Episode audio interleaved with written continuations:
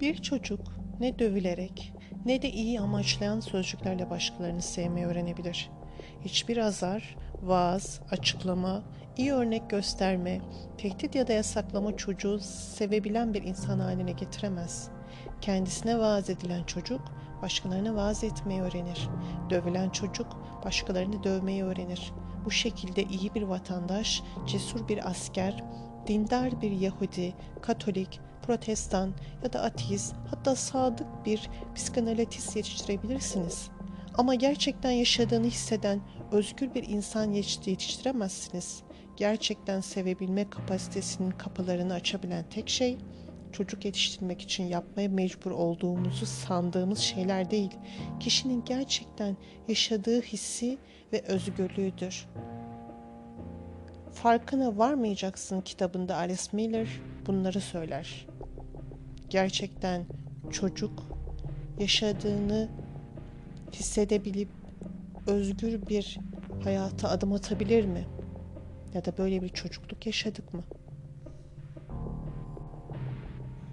Miller Yetenekli Çocuğun Dramı kitabında anne baba hatta okul ve öğretmen zulmüne dair çarpıcı söylemlerde bulunmaktadır. Aşağılama zayıfların silahıdır. Zayıf olanların kendilerini geçmişin eyleme çağıran duygularına karşı savunabilmek için başvurdukları çaredir. Bütün dışlamaların, bütün horlamaların temelinde yetişkinin çocuk üzerindeki bu gizli, az çok bilinçli, kontrolü olanaksız ve toplum tarafından da öldürme ve ağır yaralamalar dışında göz yumulan zorbalığı bulunmaktadır.'' Yetişkin çocuğunun ruhunu kendi malı gibi kullanır. Nasıl kullanacağı da tümüyle onun insafına bırakılmaktadır. Ve Miller şöyle devam eder. Küçük çocuğun katlandığı acılar konusunda bir duyarlılık kazanmadığımız sürece yetişkinin gücünü bu şekilde kullanıyor olması kimsenin gözüne batmayacak, ciddiye alınmayacak ve önevi de geniş ölçüde küçümsenecektir.'' Çünkü söz konusu olanlar sadece çocuktur. Fakat bilmeliyiz ki 20 yıl sonra bu çocuklar bütün bunların acısını kendi çocuklarından çıkaran yetişkin birer insan olacaktır. Belki bilinçli olarak dünyadaki zulüm ile savaşacaklar fakat bilmeden çevrelerinde bulunanlara eziyet edeceklerdir. Yıkıcılığın bir miras olarak kuşaktan kuşağa devredileceğini söyleyen Miller şöyle devam eder. Yüceltilmiş bir çocukluk imajı ardında gizlenen, artık ulaşamadıkları bu bilgiler onları yıkıcı eylemlere güdecektir.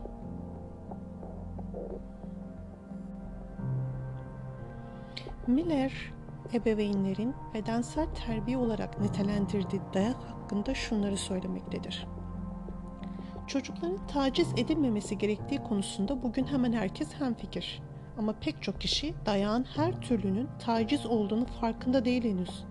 Güçlü bir yetişkinin dövülmesi herkesin gözünde taciz olduğu halde savunmasız bir çocuğun dövülmesine böyle bakılmıyor.'' Bu gerçeğin gözden kaçmasının nedeni bedensel terbiye gibi adlarla yasal bir eğitim yöntemi olarak kabul edilmesi ve bunun soykırıma dek uzanan sonuçlarının görmezden gelinmesidir. Bu tarihimizdeki iletişim bozukluklarının en acı örneklerinden biridir. Bu korkunç eğitim yöntemi bir nesilden diğerine aktarılmış ve Tanrı'nın emri olarak kabullenilmiştir. Çocuklara büyükleri tarafından senin iyiliğin için dövüyoruz denmiş, çocuklar da buna inanmış ve aynısını kendi çocuklarına uygulamışlardır. Maalesef yüzyıllar boyunca.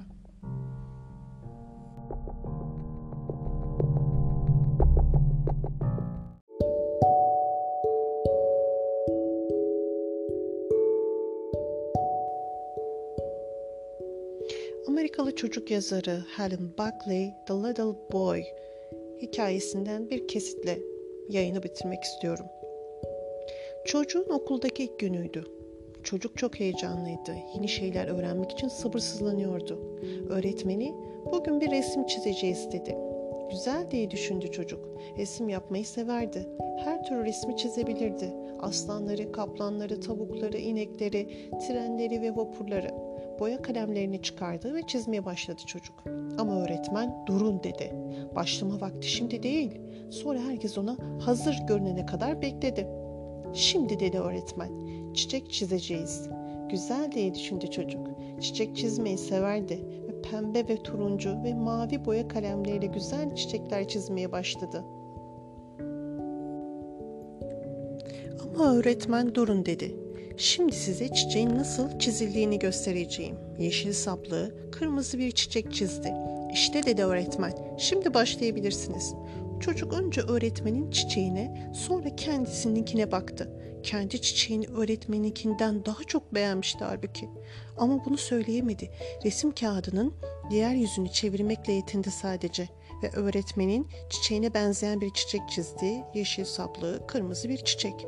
Başka bir gün öğretmeni bugün hamurla bir şey yapacağız dedi.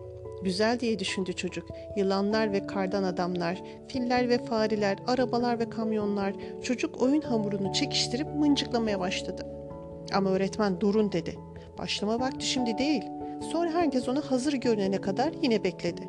Şimdi dedi öğretmen, bir tabak yapacağız. Çocuk tabak yapmayı severdi. Her boyda, her şekilde tabaklar yapmaya başladı. Ama öğretmen durun dedi. Şimdi size tabağın nasıl yapıldığını göstereceğim ve sonra herkese derin bir tabağın nasıl yapıldığını gösterdi. İşte dedi öğretmen. Şimdi başlayabilirsiniz. Çocuk önce öğretmenin tabağına, sonra kendisininkine baktı. Kendi tabağını öğretmeninkinden daha çok beğenmişti halbuki. Ama bunu söyleyemedi. Elindeki oyun hamurunu hamuru yeniden koca bir topa dönüşene kadar yuvarlamakla yetindi sadece. Ve öğretmenin tabağına benzeyen bir tabak yaptı. Derin bir tabak. Aradan çok zaman geçmeden çocuk beklemeyi öğrendi. izlemeyi ve ona söylenenleri aynı öğretmenin yaptığı gibi yapmasını öğrendi. Aradan çok zaman geçmeden çocuk artık kendi kendisine bir şeyler yapmamayı öğrendi. İşte o günlerde çocuk ve ailesi başka bir şehre, başka bir eve taşındılar ve çocuk başka bir okula gitmeye başladı. Okuldaki ilk gününde öğretmen bugün bir resim çizeceğiz dedi. Güzel diye düşündü çocuk ve öğretmenin ona ne söyleyeceğini bekledi. Ama öğretmen hiçbir şey söyleyemiyordu. Öğretmen sadece sınıfın içinde geziniyordu. Çocuğun yanına yaklaştığında sen resim çizmek istemiyor musun diye sordu öğretmen. İstiyorum dedi çocuk. Peki ne çizeceğiz? Sen çizene kadar senin ne çizeceğini ben bilemem dedi öğretmen. Peki nasıl çizeceğiz diye sordu çocuk. Sen nasıl istersen o şekilde dedi öğretmen. Herhangi bir renk olur mu diye sordu çocuk. Herhangi bir renk olur dedi öğretmen. Eğer herkes aynı resmi çizseydi, eğer herkes aynı rengi kullansaydı kimin ne çizdiğini ben nasıl bilebilirdim? Bilmiyorum diye yanıtladı çocuk ve yeşil saplı kırmızı bir çiçek çizmeye başladı.